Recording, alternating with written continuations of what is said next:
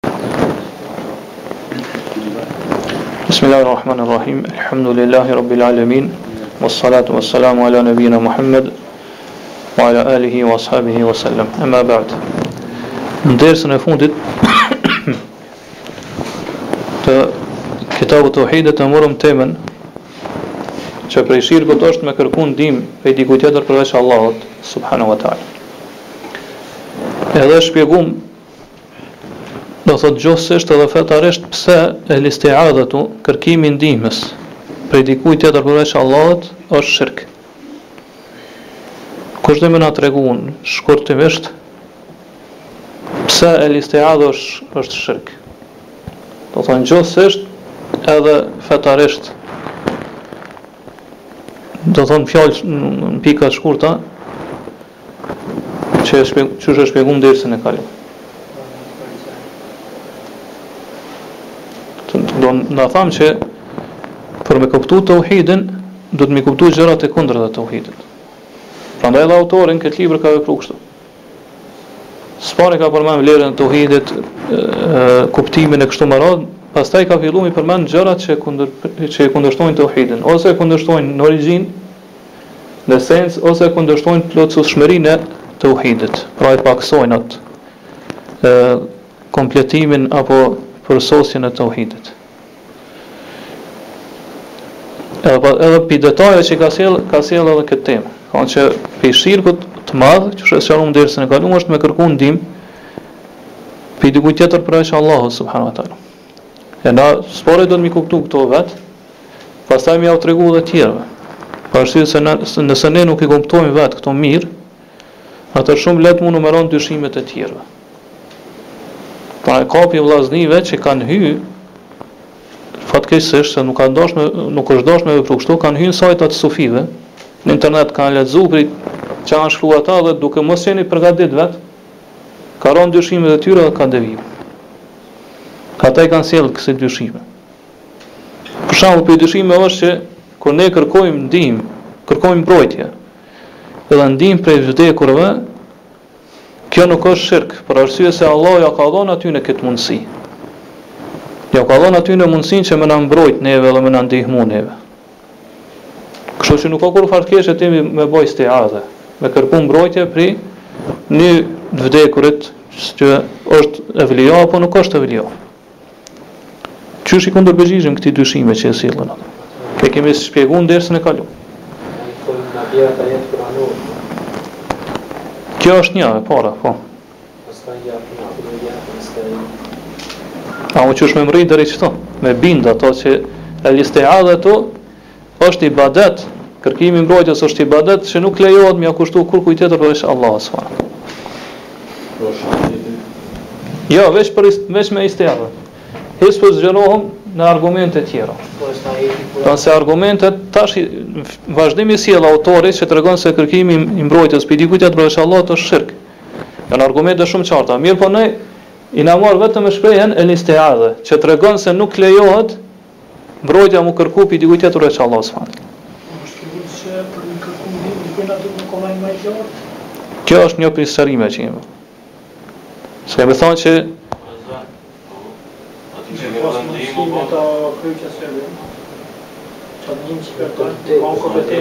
Kjo është një një pi një pi pikave që i kundërpërgjigjemi atyre, qysh e përmend, hajde me sjell argumentin që kë ka e ka atë mundësi me t'ndihmu. Kemi thonë se aty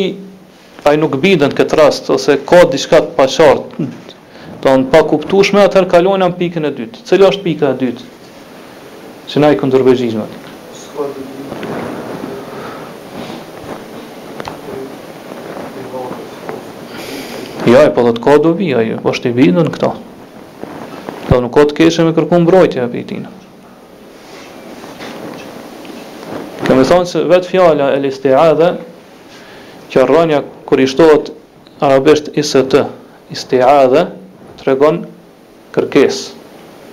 Pra që ti kërkon pi dikujt mbrojtje. Edhe mbrojtja kur të kërkohet, atër kërkimi është dua. Për arsye se kërkesa është tri lloje. Nëse kërkon prej dikujt që është në nivel me ty, në të njëjtën pozitë me ty, atëherë kjo arabisht quhet iltimas, me lyp prej tij, me kërku. Nëse kërkon prej dikujt që është poshtë teje, pozitë, nivel më poshtë, më ulët se ti, atëherë kjo është urdhër. Kërkon prej tij, do thotë po urdhnon që ai me ta plotësu kërkesën. Nëse kërkon prej dikujt që është në nivel më të lartë se ti, në pozitë më të lartë, atëherë kjo është dua. Kjo është lutje. E padyshim ata të cilët shkojnë edhe kërkojnë mbrojtje prej atyre të vdekurve, ata i llogariten që janë në pozitë më të lartë se ta. Prandaj edhe i lutin ata. Domethënë vet fakti që kërkojnë mbrojtje. Po na s'kalojmë në pikën e parë, edhe pse kjo është pikë shumë e rëndësishme, që nuk ka argument që Allahu ia ka dhënë këtë mundësi atyre. që i vdekuri ose tjetri, shpirti i filanit e filanit ka mundësi me të mbrojtë ty ose me të ndihmu. Mirpo vetë fakti që ti po kërkon prej tina, kjo tregon që ti po e bën dua ato, do me thënë po po, po e lut ato. Edhe këtu hyjnë pastaj argumente të tjera të përgjithshme në Kur'an, prej Kur'anit dhe Sunetit që tregojnë se duaja dhe adhurimi nuk nuk guxon me kushtu dikujt tjetër veç Allahut. Në mënyrë të përgjithshme, e që pastaj që mënyrë, tregon mënyrë të veçantë edhe për këtë meselë e cila është me neve. Por deri sa duaja nuk lejohet me ja kushtu kurrkujt tjetër përveç Allahut, atëherë edhe istiadha nuk kërkohet me ju drejtu dikujt tjetër përveç Allahut, për arsye se është dua. Është kërkim pi dikujt tjetër. Po ti po kërkon, po e lut atë, Allahu thotë,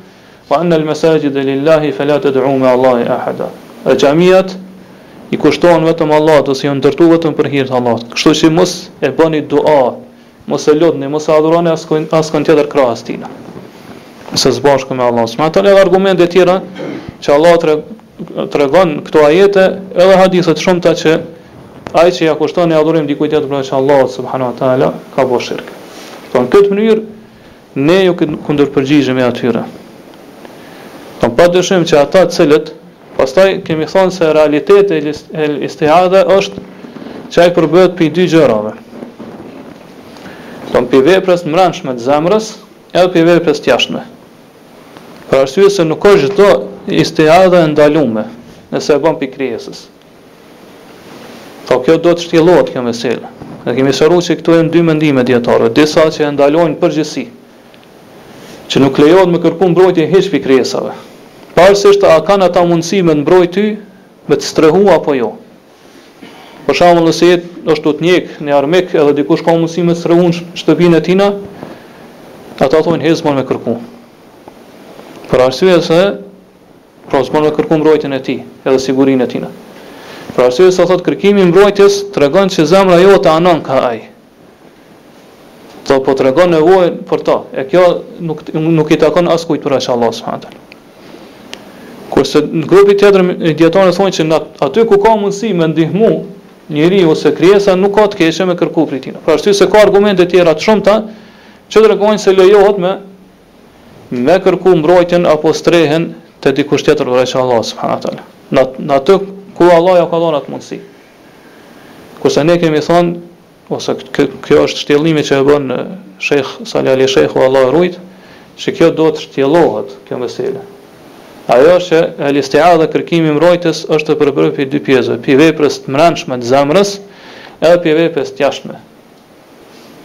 Pra vepra e jashtme është thjesht me kërku pi tjetrin, me thonë mbrom ose strehom, largoma kit keqe, e cila do thot mu ka ngjit mrapa.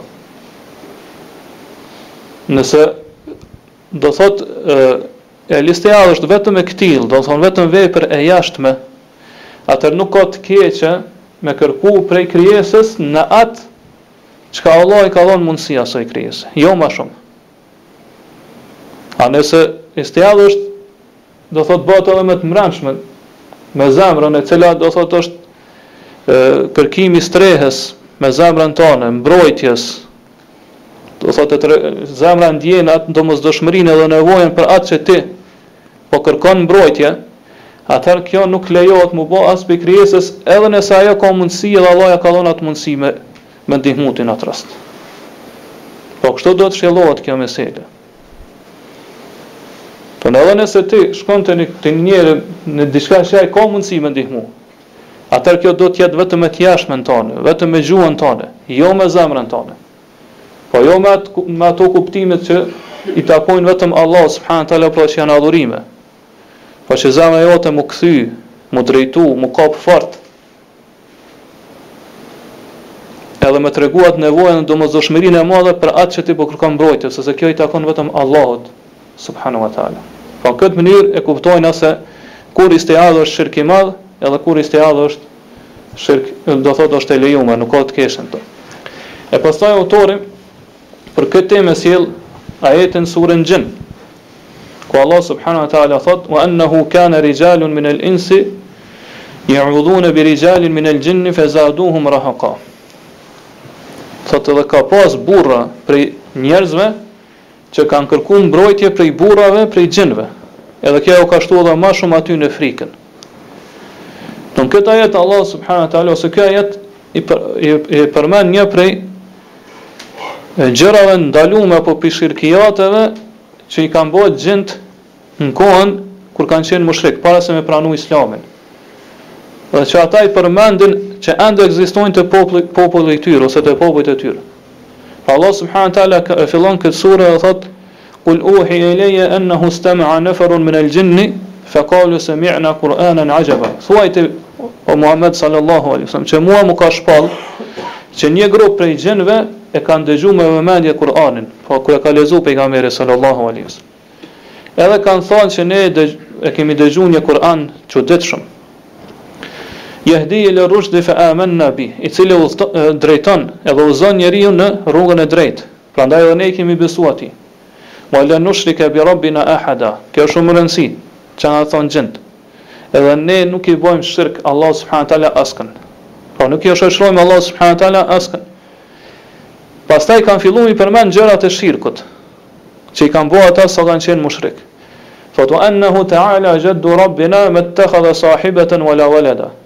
Thotë e lartë është, e lartësuar është madhëria e Zotit tonë, i cili nuk ka marrë shoqe, domethënë bashkëshorte, nuk ka zgjedhë për veten e as fëmijë.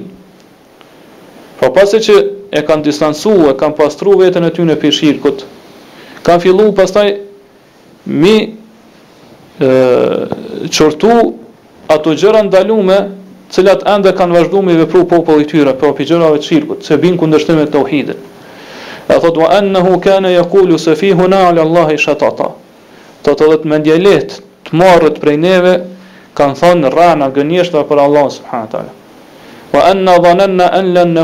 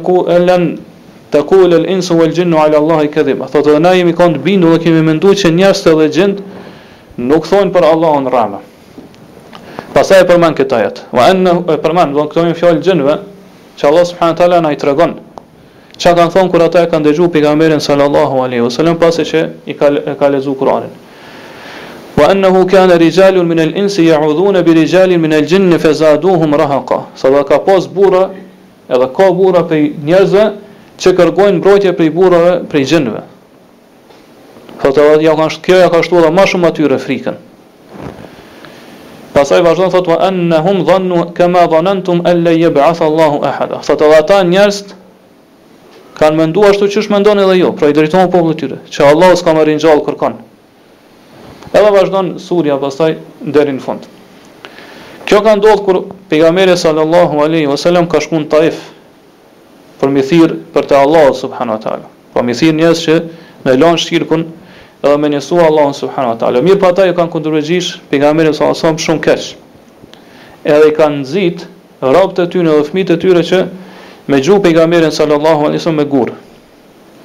Derisa, do thotë Pejgamberi sallallahu alejhi ue sellem, ka fillu m'i rrjedh gjaku prej trupit edhe fytyrës tina. Kështu kanë vepru ata me të Dërguarin e Allahut sallallahu alejhi ue sellem. Thonë kur e ka gjetë këtë pritje kaq të keqe prej banorëve të Taifit, Pejgamberi sallallahu alejhi ue sellem u kthy në Mekë. Do thonë para se me shku në Taif m'i m'i m'i thirr ata, ai ka qenë gjithashtu në një gjendje shumë të rëndë. Shumë shumë të vështirë.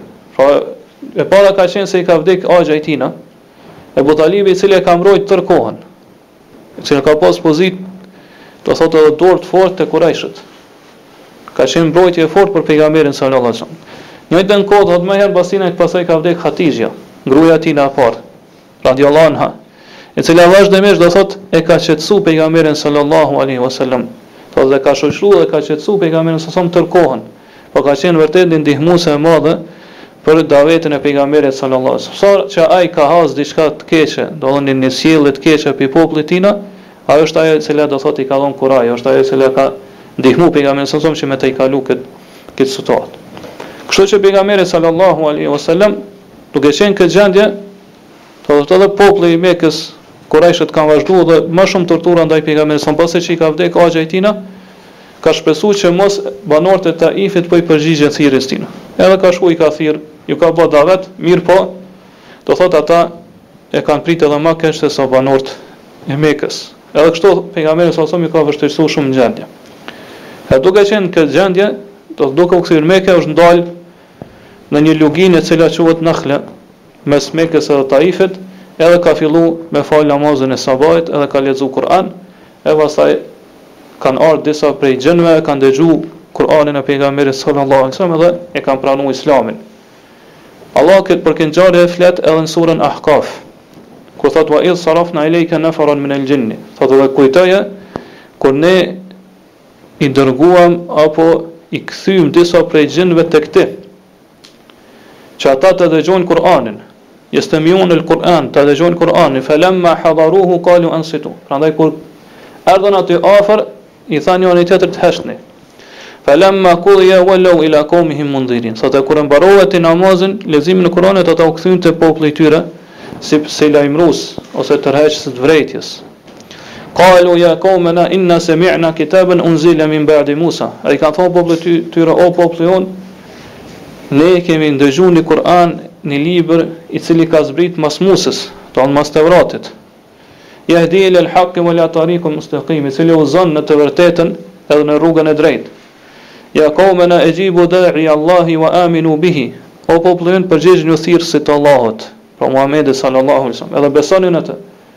Yaghfir lakum min dhunubikum, Allahu ka me jau falë juve gjynahët, wa yujirkum min adhabin alim, edhe ka me ju shpëtu prej një ndëshkimi të dhimbshëm.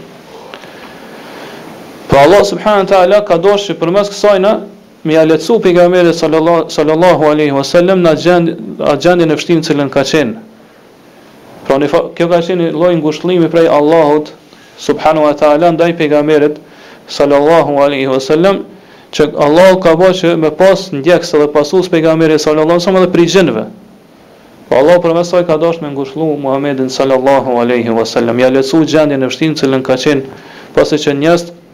Po thotë ja kanë kthyer shpinën. E dihet që Muhamedi sallallahu alejhi ve sellem ka qenë i dërguar te xhintë dhe te njerëzit. Pra Allahu po tregon këtu që në këtë ajet që e ka sjellë autori si si argument për temën që ka pas burra edhe ende vazhdon me pa, me burra me pas burra të cilët pi njerëzve që kërkojnë ndihmë edhe kërkojnë mbrojtje, po kërkojnë mbrojtje dhe strehim tek burrat prej xhenve. Po kush janë xhenët? Thotë xhenët janë një botë e fshehtë për neve, një botë metafizike, të cilët jetojnë me neve në këtë tokë. Dhe ata janë ngarkuar me obligime sikur sikurse njerëzit.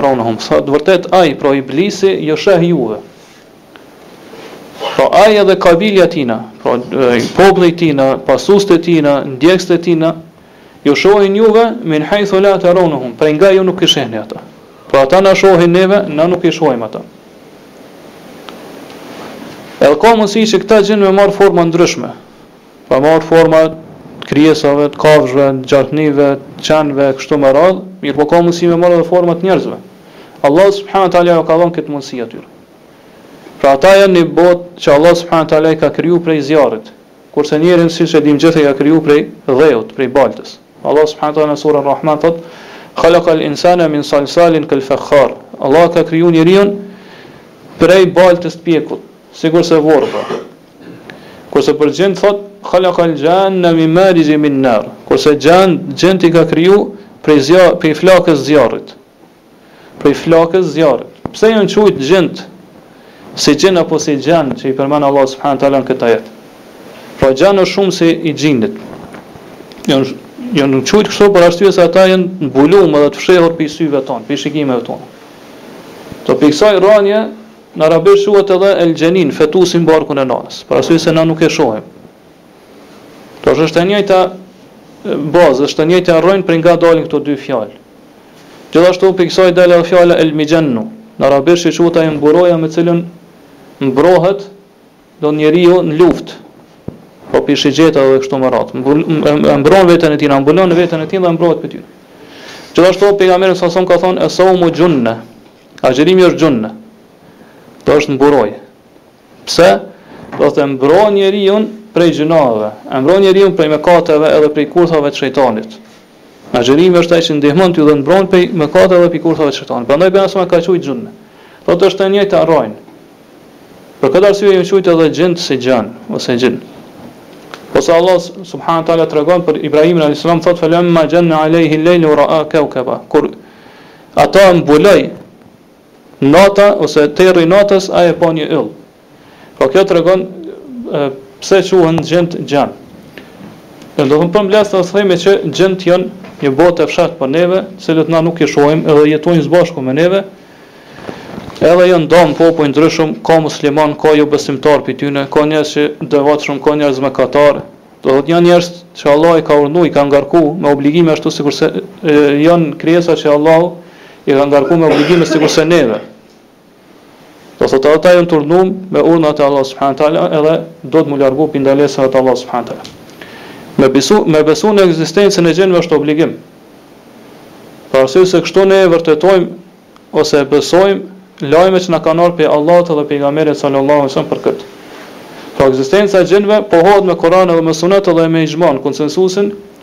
e gjith dijetarëve, gjith muslimanëve, prandaj ai i cili e mohon ekzistencën e xhinëve ai është kafir, është jobesimtar.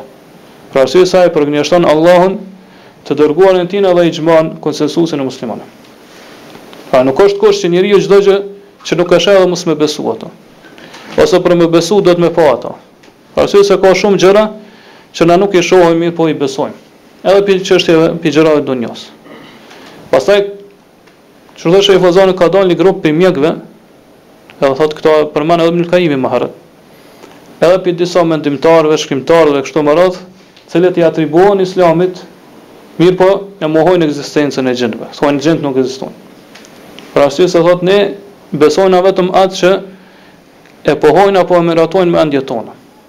Kurse ne themi që mendja e tyre, mendja e tyre nuk është e aftë me përballu edhe me besu ekzistencën e xhinëve apo gjërave që janë gajb, që janë të fshehta për neve. Gjithashtu e dinë edhe, do thotë, është vërtetuar që xhinët mundën mi prek njerëzit. Edhe me, do thotë, mu përzi me ta. Madje edhe mi rrëzu ata krejt, mi ra t'fikt, mi rrëzu për dhe. Kjo është një gjë që është pohu dhe është vërtetuar. Mirëpo, Ka prej njerëzve injorantë që e mohojnë këto, edhe nuk e besojnë, që xhinët e kanë këtë aftësi. Po Allahu subhanahu teala iau ka dhënë këtë aftësi, këtë mundësi. Por Shejh Feuzani Allahu e rujt thotë që njeriu nëse e mohon prekjen e xhinëve, nuk bëhet kafir. Mirëpo vetëm thojme që është gabimtar edhe është devijan, domethënë ka deviju prej rrugës drejtë. Për arsye se kjo është një gjë që është pohu dhe është vërtetu. Pra që xhinët mundën mi prek njerëzit dhe mi rrëzu për dhe, për tokë. Mirëpo thotë nëse e mohon ekzistimin e tyre atëherë në këtë rast bëhet kafir. Pra, Allahu subhanahu wa taala këtu po thotë se ka pas burra pi, pi njerëzve që kanë kërkuar mbrojtje pi burrave prej xhinëve. Edhe këtu ka argument që xhinët janë ndan burra dhe gra. Sikurse njerëzit. Madje Shejh Uthejmini Allahu e mëshiroftë thotë se ka mundësi që burri prej xhinëve me bë marrëdhënie Me gruan e cila është prej njerëzve. Thotë edhe këto e kanë përmend edhe fukahaja. Mirëpo edhe këtu ka hilaf, ka mospajtime mes dijetarëve, mes fukahave që a bëhet obligim në këtë rast gusli, me marr gusël. Nëse ndodh kjo. Çka thotë Shejh Uthejmini thotë uel fukaha jekulun fi babil gusl. Fukahaja thonë sipër këtë kapitull të guslit, lau kal lau kalet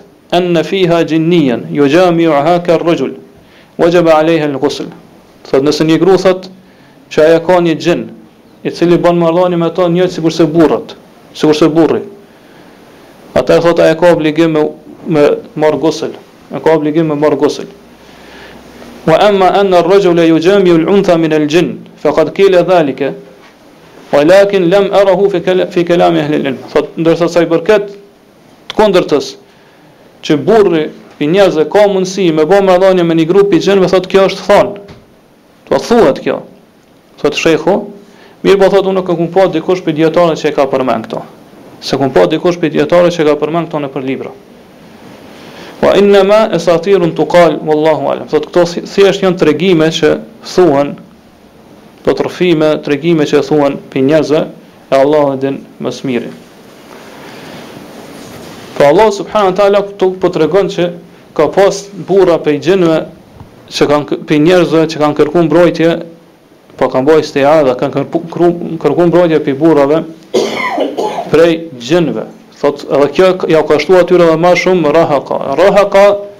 Në gjuhën arabe do thotë frikën, frikën edhe lëmerin në zemrat e tyre.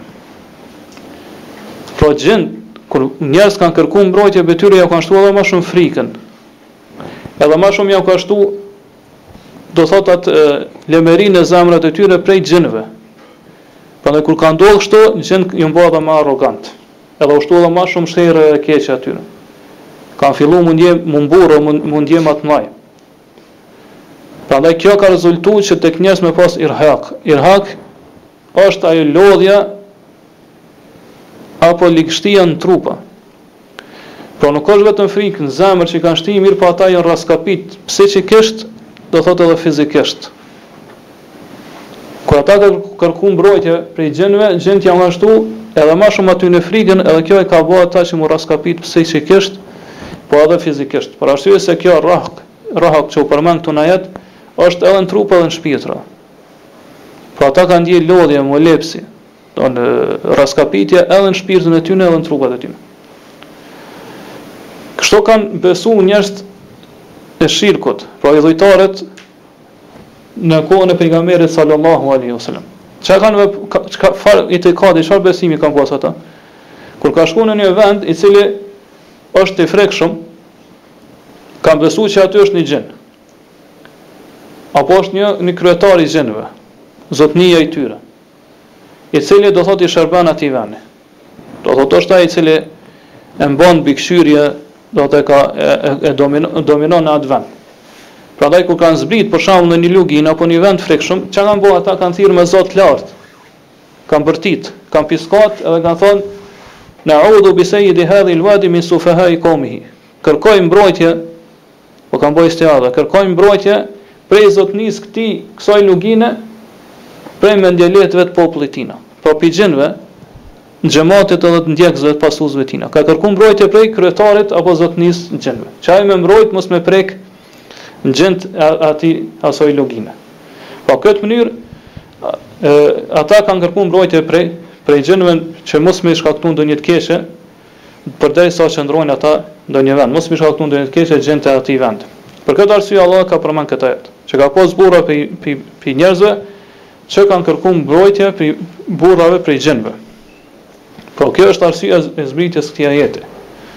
Edhe thotë, kjo ka ndodhur fezaduhum rahaqa. Kur ka ndodhur kjo, ata ja kanë shtuar atyre edhe më shumë frikën, jau ka shtu edhe ma shumë, do thot atë dridhjen edhe lodhjen, raskapitjen në shpirtra, në psikikën, edhe në, në trupin e tyne. Edhe nëse ka ndodhë kjo, atëherë kjo ka qenë si ndëshkim prej Allahut, subhanahu teala. Pra Allah ka dosh me tregu që, ai që ka kërku këtë mbrojtje, kjo s'i ka bo dobi, s'ka pas kurrfarë dobie prej kësaj. Përkundrazi, Thotë, Allahu subhanahu wa ta'ala ka ndëshku ato me të kundërtën e qëllimit edhe synimit tina. Edhe që kjo ja ka shtu edhe ma shumë lodhjen psikike dhe shpirtërore atij, atij personi. Prandaj nëse komentohet kshtu ajeti atëherë qëllimi i ajetit fezaduhum rahaqa ata ja kanë shtu atyne më shumë frikën atëherë qëllimi është që xhinët ja kanë shtu edhe më shumë frikën edhe raskapitjen njerëzve kurse disa dijetarë kanë thonë që qëllimi ja kanë shtu atyne më shumë rahaqa frikën qëllimi është Që njerëzit ja kanë shtu xhinëve edhe ma shumë rahak, për arsye se prej kuptimeve të rahak është arroganca dhe mendjemadhësia. Pra njerëzit ja kanë shtu edhe ma shumë xhinëve arrogancën dhe mendjemadhësinë për arsye se ata kanë thënë që po arrijmë m'i frikësu dhe m'i tut njerëzit, do thotë edhe u bonë edhe ma mendjemadh, mendjemdhej, u bonë edhe ma Më arrogant. Mirëpo, e para është më e saktë, kuptimi i parë është më i saktë edhe pse nuk ka të keq se qysh thamë në fillim që do thotë këto dy kuptime me kon për qëllim me këtë ajet, pra që edhe xhinët ja kanë shtu edhe më shumë frikën edhe raskapitjen njerëzve në psikikën edhe do thotë trupin e tyre e pastaj kjo ka bo që xhinët edhe më shumë do thotë me u bo më mendjemadh edhe më më arrogant. E kjo krejt ka ndodhur si ndëshkim prej Allahut subhanahu teala për këta njerëz. E përderisa është ndëshkim prej Allahut, atëherë kjo tregon që ndëshkimi nuk vjen veçse për një gjynah, për një mëkat. Pra Allahu nuk e ndëshkon njeriun veçse për një mëkat. Edhe kështu në këtë mënyrë ne themi që kjo është argumentimi i ajetit që tregon E dhe pse autori e ka sjellë këtë ajet si argument që kërkimi i ndihmës prej dikujt tjetër përveç Allahut është shirk. Pra Allahu subhanahu wa taala përmes këtij ajeti po i nënçmon ata të cilët kanë vepruar kështu. Edhe po tregon se shkaku pse Allahu subhanahu wa taala i ka nënçmuar ata ose i ka ndëshku është se ata një pjesë të adhurimit, një pjesë të ibadetit ja kanë kushtuar dikujt tjetër përveç Allahut subhanahu wa taala. Pra ja kanë kushtuar xhenëve.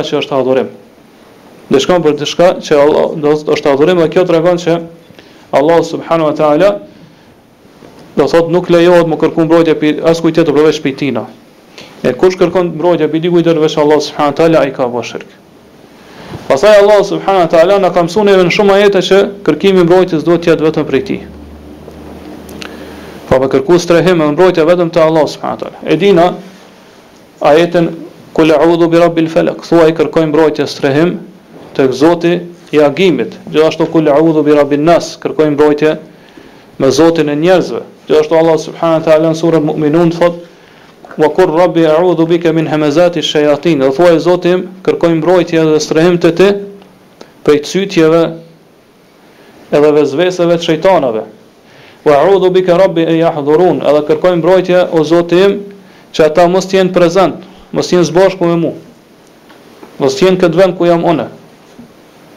Këto, këto janë dy ajete që është mirë mi mësu përmendsh edhe mi, mi thonë shpesh. Po ajete në këto janë, në këtë, do thotë që tregojnë për këto janë shumë të. Për, tjetër ajet në surën Araf, ajeti 200 ku Allah thotë, ve imma jenze, jenzegan-neke mine shejtani nezgun festeidh billah, nëse ty të vjen një cytje prej shejtanit që të shtynë me ba një mëkat një të keqe, atër ti kërko mbrojtje prej Allahut.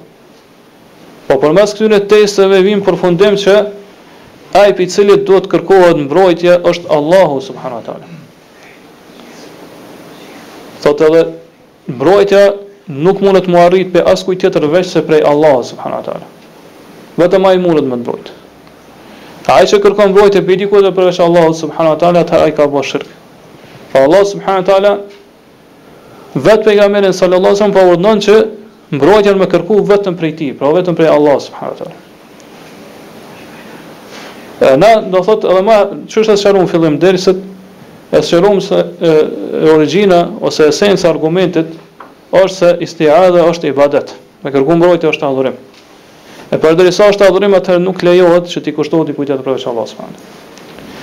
Disa prej komentuesve të Kuranit, pjesë e selefit, qoftë Katade edhe të tjerët, Allahu i mëshiroftë, kanë thënë se qëllimi i rahaqa fezaduhum rahaqa, atyre ia kanë shtu edhe më shumë këtë rahaqa, thotë qëllimi është t'jua ka shtu edhe më shumë mëkatin. Jua ka shtu edhe më shumë gjynahin. Edhe kjo është, do thotë një argument për me ndërlidh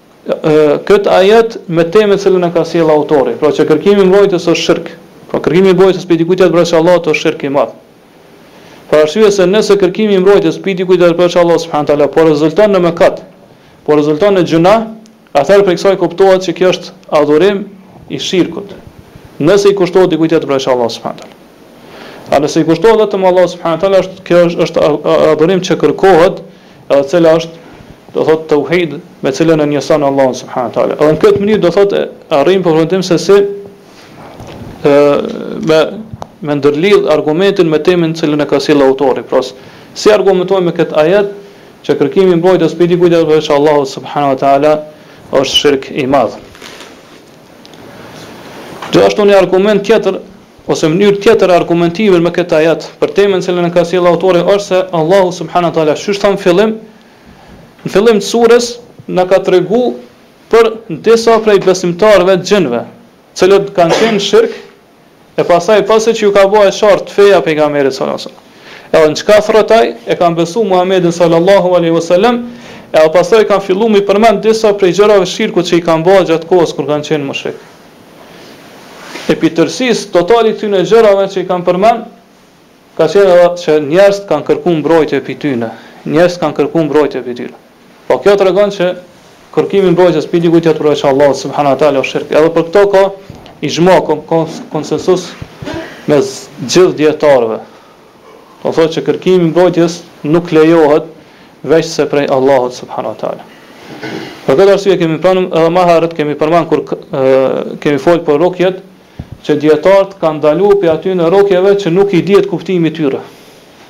Kanë thonë janë të ndalume. Do po nëse janë rukje me shprehje, me fjalë, me terme që nuk i dihet kuptimi i tyre, atëherë nuk lejohet me bë rukje me ato fjalë. Pse?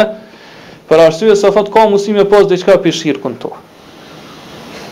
Do thotë ti po kërkon mbrojtje prej dikujt ka mundësi që aty me pas kërkim mbrojtje prej dikujt tjetër përveç Allahut, prej ndonjë xhini apo prej ndonjë shejtani kështu me radhë, edhe kjo nuk lejohet. Do këtu ka ixhma mes konsensus mes dijetarëve për këtë gjë. Edhe kjo tregon që kërkimi i mbrojtjes prej dikujt tjetër përveç Allahut është shirk edhe nuk lejohet, edhe për këtë ka ixhma konsensus mes gjithë dijetarëve. Pra ajo ë kjo kjo Çka kanë vepru këta xhint ose burrat prej njerëzve me xhint me burrat prej xhinve ka qenë akide besim i xhahilijetit e Allahu subhane teala e ka tregu kotësinë e kësaj nëpërmes kësaj sure edhe na ka urdhënu që kërkimi i mbrojtjes duhet të jetë vetëm prej tij prej askujt tjetër përveç Allahut subhane teala prandaj në radhë autori sjell Hadithin që tregon për këtë, pra që Allahu subhanahu wa taala na ka zëvendësuar këtë me një dua më të mirë, ose me një vepër e cila është e cila është adhurim i sinqertë vetëm për Allahun, e cila e zëvendëson atë shirkun që e kanë bërë njerëzit e xhahilijetit. Autori thotë